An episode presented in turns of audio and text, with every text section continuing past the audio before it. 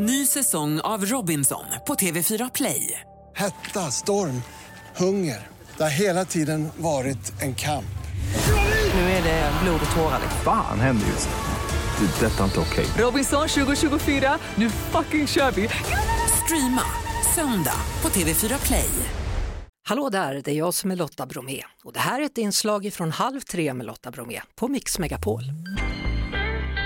Vi ska prata om Ukraina och kriget som fortfarande såklart pågår där. Hugo von Hessen är analytiker på Utrikespolitiska institutet. Välkommen till Halv tre. Tack så mycket. Ja, I The Guardian kan vi idag läsa då att Ukraina har erövrat 20 samhällen på 24 timmar och det talas också om att de nu har nått till den ryska gränsen. Hur kan man vara säker på den här typen av uppgifter? Ja, helt säker kan man såklart aldrig vara, men eh, det finns ju många olika sätt eh, för de olika sidorna, eh, inklusive västerländska eh, underrättelsetjänster, att eh, få information till exempel genom satelliter, men också vad eh, den ukrainska sidan säger själv. Eh, så att det finns ju mycket info att gå på här. Mm. Eh, Jag utgår ifrån att de kommer stanna vid gränsen. Man kan väl inte räkna med att de ska gå in i Ryssland här? Nej, alltså det viktigaste för Ukraina är att besegra Ryssland eh, så mycket man kan på ukrainsk mark och ta tillbaka alla områden som ockuperats. Eh, och det här kommer ju vara målet och en tillräckligt stor uppgift i sig för den ukrainska armén. Och dessutom för att göra det här så kräver det att man har väst, västvärldens fortsatta militära stöd i ryggen.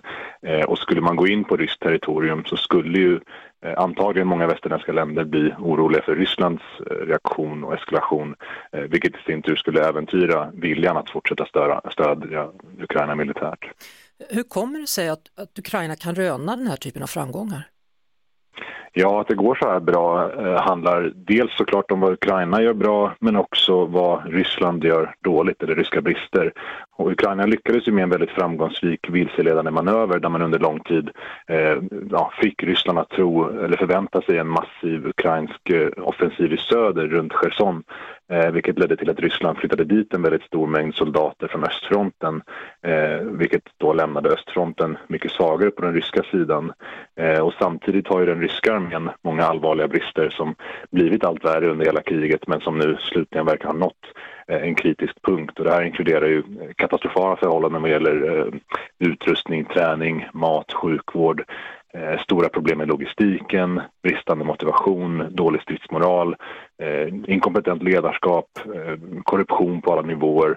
Och allt detta tillsammans verkar ha lett till att det nu pågår en massiv rysk militär kollaps på östfronten där soldater ger upp eller helt enkelt bara släpper vapen och springer för livet.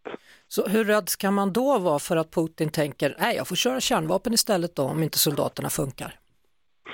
Ja, jag tror att det är viktigt här att tänka att eh, Putin kan fortfarande eh, beskriva det här som en vinst. Även om, eh, alltså, även om inte vi tycker att det här verkar som en vinst så har Putin så pass stark kontroll över media och informationssfären i Ryssland att oavsett situationen på marken så skulle han fortfarande kunna eh, måla upp det här som att Ryssland har nått det eller det målet eller Ryssland har lyckats med det eller det och därför är det fortfarande det här en vinst.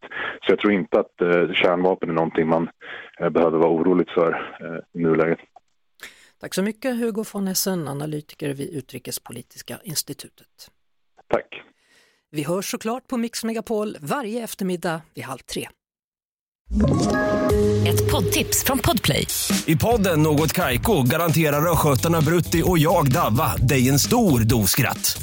Där följer jag pladask för köttätandet igen. Man är lite som en jävla vampyr. Man har fått lite blodsmak och då måste man ha mer. Udda spaningar, fängslande anekdoter och en och annan arg rant.